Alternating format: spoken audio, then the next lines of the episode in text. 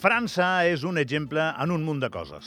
Uh, en allà, un dia, la gent va decidir que ja n'hi havia prou de tenir reis i reines i dels seus privilegis i els van tallar el cap, tal com sona. Van instaurar una república i, i aquella gent, doncs, al seu cap va deixar d'estar unit una mica al tronc. Això va passar.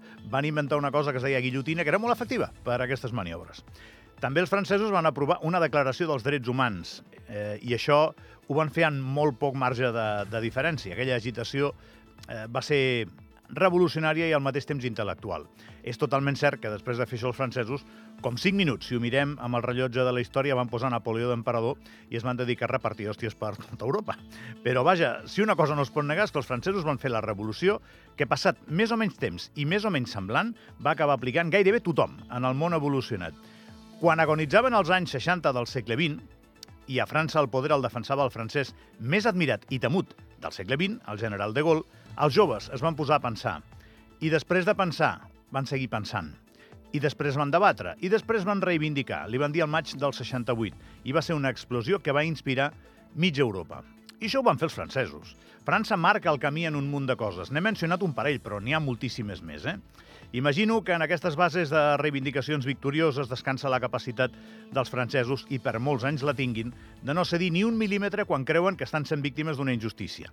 Els sindicats són entitats molt poderoses i quan un oligarca o un polític sap que té un representant sindical al davant en una taula, sap que la conversa va de debò i que ha de mirar d'arribar a un acord. França té un matalàs social que resisteix, com pot, des de fa anys, les conseqüències d'una economia que segueix sent potent, però que afronta una desindustrialització molt important. Tot i això, i no crec que es pugui negar, en moltes coses encara a dia d'avui França continua sent un exemple. El problema per cada president de la república que entra i per cada primer ministre, ara en tenen un de molt jove, que es diu com jo, Gabriel, és saber com finançar aquest estat del benestar. Dit tot això, ja està dit, eh? Per tant, està mostrada la meva admiració total i absoluta per aquest currículum vitae dels francesos. Eh? A mi no em sembla bé que ens tallin la carretera, no em sembla bé que es tallin carreteres durant hores i hores. No els, no els agricultors francesos, ningú, no em sembla bé. Em va semblar fatal quan ho van fer els independentistes catalans, em va semblar fatal. I si penso en que Andorra només es pot venir de dues maneres, encara em sembla pitjor. Penseu en tallar el 50%, el 50% dels accessos a París o Toulouse. La meitat, per carretera, eh? I potser ni cal pensar-ho, al final som un país veí de França i molt petit. No sé molt bé què en treuen. Podem plantar els tractors en un munt de llocs de l'Arieja? No sé molt bé què en treuen. A mi em sembla fatal defensar la teva llibertat retallant la de la resta de la gent. I sé que queda molt progressista posar-te del costat dels treballadors. De fet, és fàcil, eh? eh jo hi empatitzo del tot amb el que demanen i fins i tot empatitzo amb les mobilitzacions. També entendria que ens tallin la carretera unes hores per cridar l'atenció, és que ho puc arribar a entendre, però tot un cap de setmana. Ni ho entenc ni em sembla bé. I tots els andorrans que em cruspiran, o ja directament m'acusaran de fatxa, perquè això és gratis, per dir això, que em contestin una pregunta. On està el límit de la simpatia amb els agricultors? Un cap de setmana ens sembla bé? Dos? I si s'estan deu, que els francesos tenen pebrots per això, i per més si s'hi posen, eh?